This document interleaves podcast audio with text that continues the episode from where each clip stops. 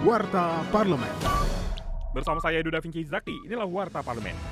Ditemui saat memimpin kunjungan kerja spesifik Labuan Bajo, Nusa Tenggara Timur guna memantau persiapan penyelenggaraan acara internasional presidensi G20 tahun 2022 dan ASEAN Summit di bulan November mendatang, Wakil Ketua Komisi 5 DPR RI Saifullah Tamliha mendukung pembangunan di Labuan Bajo. Politisi fraksi P3 itu berharap pembangunan yang cukup masif di Labuan Bajo bisa berdampak positif bagi warga setempat, sekaligus memberikan kesan terbaik bagi wisatawan domestik maupun internasional.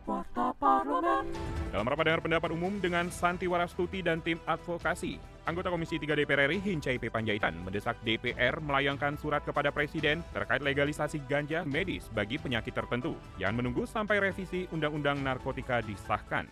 Negara ini mengurus bukan hanya orang yang sehat, tapi juga orang yang sakit.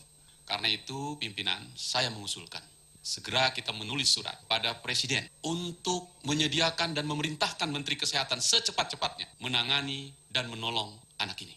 Siapa saja warga negara Indonesia yang membutuhkan pertolongan, wajiblah negara untuk menolongnya. Itu dulu yang pertama. Sebab jika menunggu undang-undang ini selesai kita ubah, sementara anak kita membutuhkan pertolongan detik demi detik menyelamatkan warga negaranya dari soal kebutuhan ini.